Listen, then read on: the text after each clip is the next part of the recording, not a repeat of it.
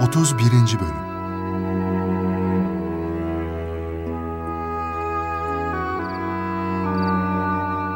Benim elin sultanı Yusuf ordusuyla denizi geçmiş. Serişe doğru ilerliyormuş. Yine de iyi bir insanmış.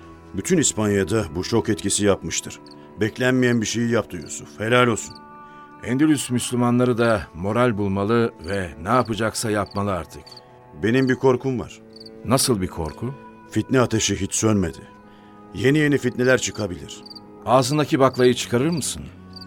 Gırnata yöneticileriyle akrabaları olan Aşkilaoğulları arasında yine ihtilaflar çıkabilir. Nasılsa bir merkez var. Oradan düğmeye basıyorlar ve hemen iç karışıklık çıkabiliyor. Bu işi bir türlü çözemedim.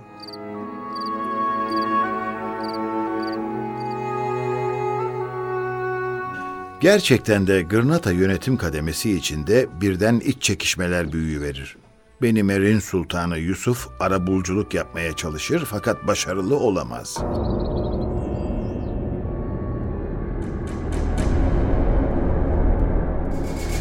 Benimer'in ordusu geldiği gibi gidecek. Bunu nasıl söyleyebiliyorsun? Baksana habire ilerliyorlar. İspanya için büyük bir tehlike bu. Gırnata yöneticileri yine karıştı. Yusuf yapayalnız kalacak. Onu davet edenler hareketine sahip çıkmayacaklar.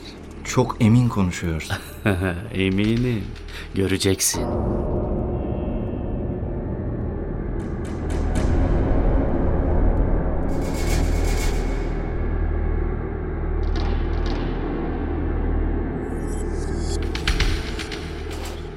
Benim erin sultanı önüne kattığı Hristiyanları kovalarken Gırnata kralı Muhammed Fakih Gırnata'daki ikametgahına geri döner.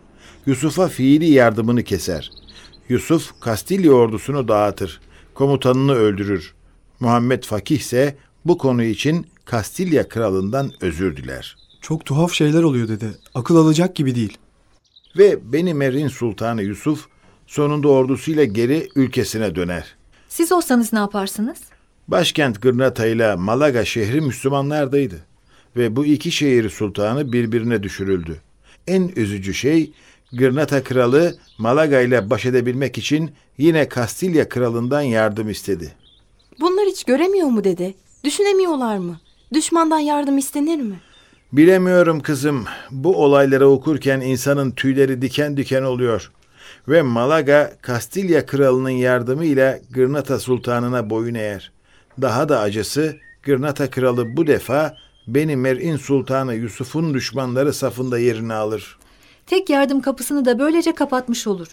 Apaçık bir şekilde oyuna geliyorlar ama galiba göremiyorlar. Gerçekten de çok acı. Çok geçmeden Merinoğulları da Hristiyanlarla ittifaka girmek zorunda kalır. Allah Allah. Az önceki düşmanlar birden müttefik oluveriyor. Yalnız Merinoğulları bu manevrayla Kastilya içinde bir karışıklık tezgahlıyordu. Alfonso ile Sancho birbirine düşürülmüş oluyordu.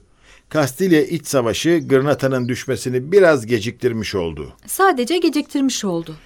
Gırnata Sultanı Kastilya kralı olan Sancho'dan bir kazık yiyince aklı başına geldi. Nasıl bir kazık bu dede? Affedersiniz biraz argo oldu ama şöyle. Kastilya kralı Sancho ile Gırnata Sultanı Merinoğullarına karşı ittifak ederek bir harekete girişirler. Bu hareket neticesinde Tarif Adası ele geçirildi. Sözde bu ada Gırnata Sultanlığı'nın olacaktı. Ama Sancho sözünde durmadı, adayı kendine aldı. Bu defa Gırnata Sultanı gitti, bir başka Hristiyan krallık olan Aragon'la anlaştı. Gerçekten de tam üç öküz hikayesi yaşanıyor dede. Tam. Bu arada Gırnata Sultanı Muhammed Fakih öldü. Yerine oğlu Ebu Abdullah geçti. Ebu Abdullah kördü, gözleri görmüyordu. Bu dönemde devlet Vezir el-Lahbi tarafından yönetilecekti. Bu sırada Merinoğulları devleti kendi içinde karışır. Yaşanan bir iç savaş sonunda Ebu Sabit yönetimi ele geçirir.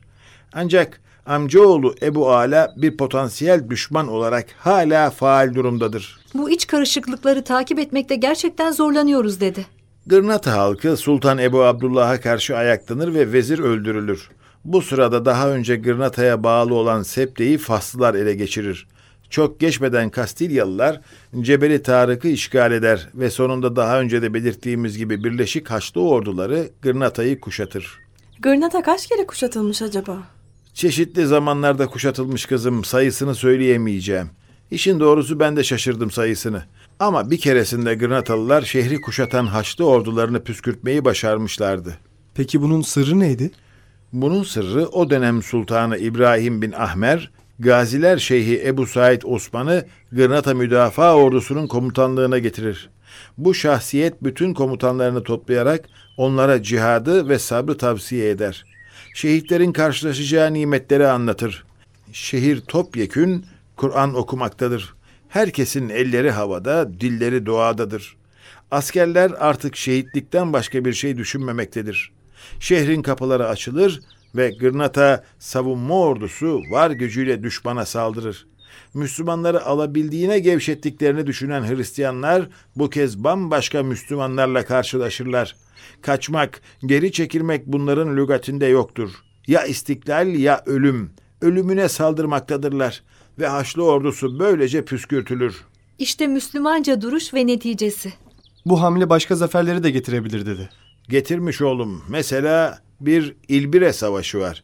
Burada da Müslümanlar aynı azim ve kararlılıkla Kastilya ordusunu bozguna uğratır. İşin enteresan yanı Müslümanlar şehit olmak için atılırlar ama şehit olanların sayısı o kadar azdır ki kendileri de buna hayret eder.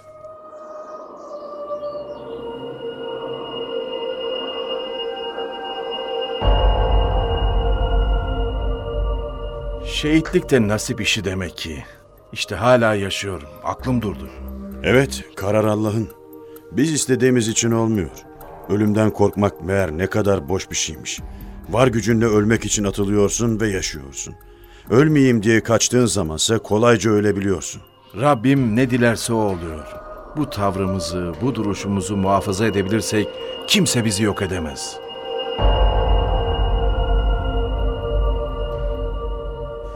İlbire zaferi Gırnata'nın daha bir buçuk asır Müslümanların elinde kalmasını sağlar. Yaşama iradesi ölümü göze almakla ispatlanıyor. Ben tam anlayamadım. Yaşama hakkı ölümü göze almakla elde edebiliyor demek istedim. İlbire zaferi sonrasında Müslümanlar yeni bir ruhla dolarlar. Dini duygu daha da yükselir. Allah ile hukuk daha sağlamlaşır. Emri bil maruf, nehi anil münkerden taviz verilmez. Ve tarihte ilk kez Beyyase şehrinin kuşatılması sırasında Müslümanlar tarafından top kullanılır. Beyyase şehrinden sonra Meyteş Müslümanların eline geçer ve Müslüman hayatı yeni bir dinamizm kazanmış olur. Müslümanlar yeniden ideal ve ufuk sahibi olmaya başlamışlardır. Çok güzel. Şimdi kaybedilen yerler tek tek geri alınır inşallah. Fakat Fakatı ne dedi? Yoksa maalesef Gırnata Sultanı İsmail bir suikastla öldürülür ve her şey kısa bir zamanda eski haline dönüverir. Sene 1325 Sultan İsmail'in yerine 11 yaşındaki oğlu tahta geçer. Yönetim vezirlerin eline kalır. Vezirler birbirine düşer. Derken yine Müslümanlar birbiriyle kahramanca savaşmaya başlarlar. buna kahramanca denir mi dedi? E, Biraz üzüldüğüm için böyle diyorum kızım. Çünkü Müslümanlar savaşır ama ne yazık ki hep Hristiyanlar kazanır. Gırnata gittikçe daha fazla kan kaybeder. Kuvvetten düşer.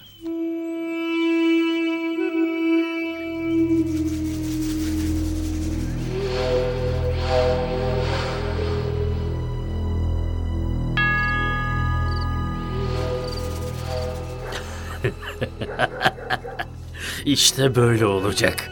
Aferin. Siz savaşın biz meyveleri toplayalım. Savaşın savaşın. İyice zayıf düşene kadar yolu var. Nasıl olsa sonunda bize teslim olacaksınız. Ne diyorsun sen? Sadece gerçeği konuşuyorum. Göreceksin. Sultan Muhammed bin İsmail Fas'ta İslam zirvesi topluyor. Haberin yok galiba. Toplasın. Döner dönmez hesabı görülecek. Çok emin konuşuyorsun. E biz de boş durmuyoruz. Şövalyelerimiz her yerde görev başında. Cebeli Tarık'ı hedef almışlar. Alsınlar. Belki alabilirler ama sonuç artık bizimdir.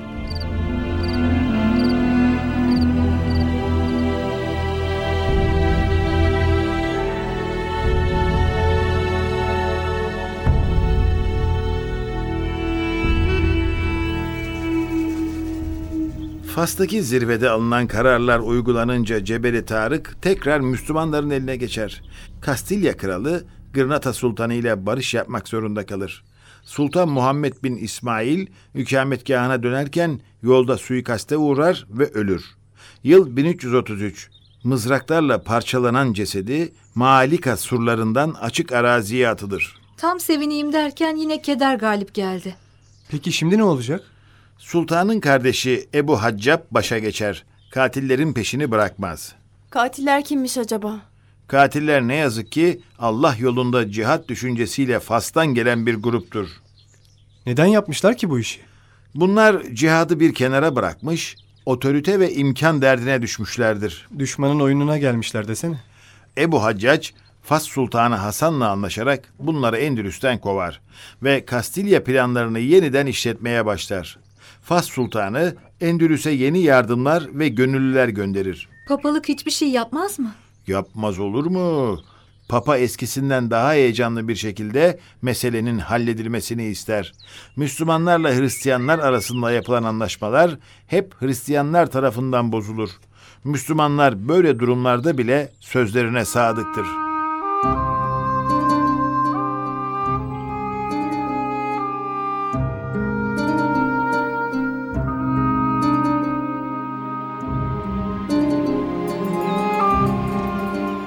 Aragon Krallığı anlaşmayı bozmuş. Müslümanlar aleyhine ordu hazırlıyormuş. Her zaman böyle yapmıyorlar mı? Papa daha güçlü bir orduyla Cebeli Tarık'ın geri alınmasını istemiş.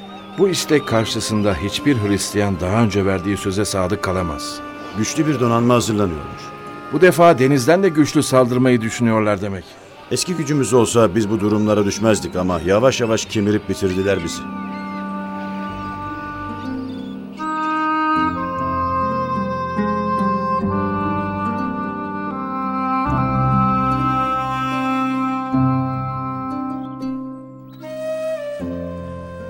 Salato Nehri havzasında Müslümanlarla Haçlı orduları karşı karşıya gelir. Zafer için gerekli şartların tamamı Müslümanların tarafında mevcuttu. Fakat kaderin cilvesi Haçlı orduları galip geldi. Sene 1340. Zafer bazen size bazen onlara. Bu aranızdan şehitler almak içindir buyuruluyor değil mi dede? 1349'da Cebeli Tarık kuşatılır. Kuşatma bir yıl sürer. Yine kaderin cilvesi bu kuşatma sırasında Kral Alfonso ölür. Hristiyanlar kuşatmayı kaldırırlar. Kralın cenazesini kaldırmak için Müslümanlardan izin isterler. Bizimkiler yine merhamet etmişlerdir. Daha ilginci Müslümanlardan bir heyet kralın cenaze merasimine katılır ve taziyede bulunurlar. İnsani ilişki bu işte. Müslümanlar her şartta insan olduklarını unutmuyorlar. Acaba kral neden ölmüş? Ha az daha geçiyordum. Kral Alfonso vebadan ölüyor. Hastalık Haçlı ordusunu sarıyor. Veba giderek yayılıyor. Bu aslında apaçık bir şekilde Allah'ın yardımı değil mi dede? Dikkat edersek hastalık daha ziyade düşman arasında yayılıyor. Bu olay Müslümanlara biraz daha zaman kazandırır. Müslümanlar insanın yeryüzünde Allah'ın halifesi olduğuna inandıklarından durmadan imar ve ilerleme faaliyetlerinde bulunuyorlar.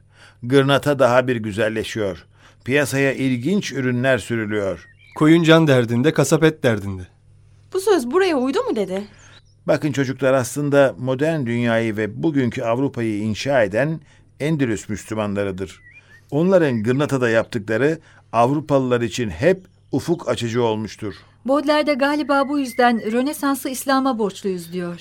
Günler böyle geçip giderken 1354 yılında bir bayram namazı sırasında 37 yaşında olan Gırnata Sultanı Ebu Haccac bin Yusuf bayram namazını kıldırmak için ayağa kalkıp tekbir aldığı sırada arkalardan gelen bir kendini bilmez tarafından hançerlenir, öldürülür. Tüh yazık. Hem de namaz sırasında olur mu bu? Bu ölümle birlikte Fas'la ilişkiler de kopar. Artık Gırnata hiçbir yerden yardım ve destek alamayacak. Kendi kaderiyle baş başa kalacaktır. Bütün Avrupa prenslikleri Gırnata'yı ele geçirmek ve Müslümanların kökünü İspanya'dan kazımak için tekrar bir araya geliş çalışmalarını başlatırlar. Gırnata'da yeni sultan kim olur? Gani Billah Sultan olur. Fakat kısa bir tatil için Arif Cennet Köşkü'ne gittiğinde Gırnata'da bir grup kaleye saldırır. Daha önce hapsedilmiş olan İsmail'i hapisten çıkararak sultan ilan eder. Gani Billah'ın veziri İbnül Hatip yeni sultanı destekleyerek mutlak bir ölümden kurtulur. O dönemde devlette görev almak da çok tehlikeliymiş galiba. Canını kurtarmış ama mevkiini ve malını mülkünü kurtaramamış. Fas sultanı duruma müdahale edince vezir ve Ganibillah Fas'a sürgüne gönderilmiş.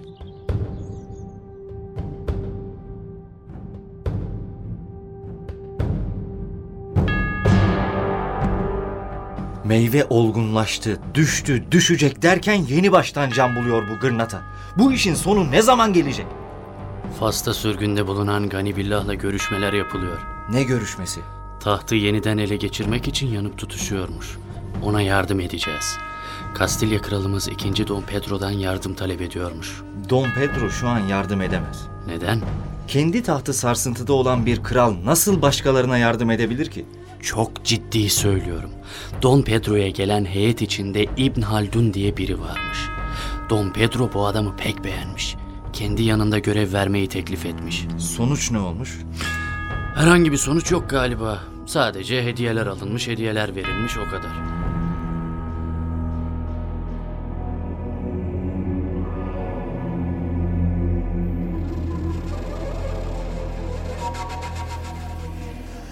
Sonuç aslında Gani Billah'ın tekrar Gırnata tahtına geçmesi olmuş. Gani Billah uzun bir süre yönetimde kalmayı başarır. Hristiyanların iç çekişmelerinden istifade etmeyi bilir. Veziri İbn Hatip'ten çok istifade eder. 1374'te ölünce oğlu 2. Ebu Haccac geçer başa. Bu nasıl biridir acaba? E onu da gelecek bölümde anlatalım.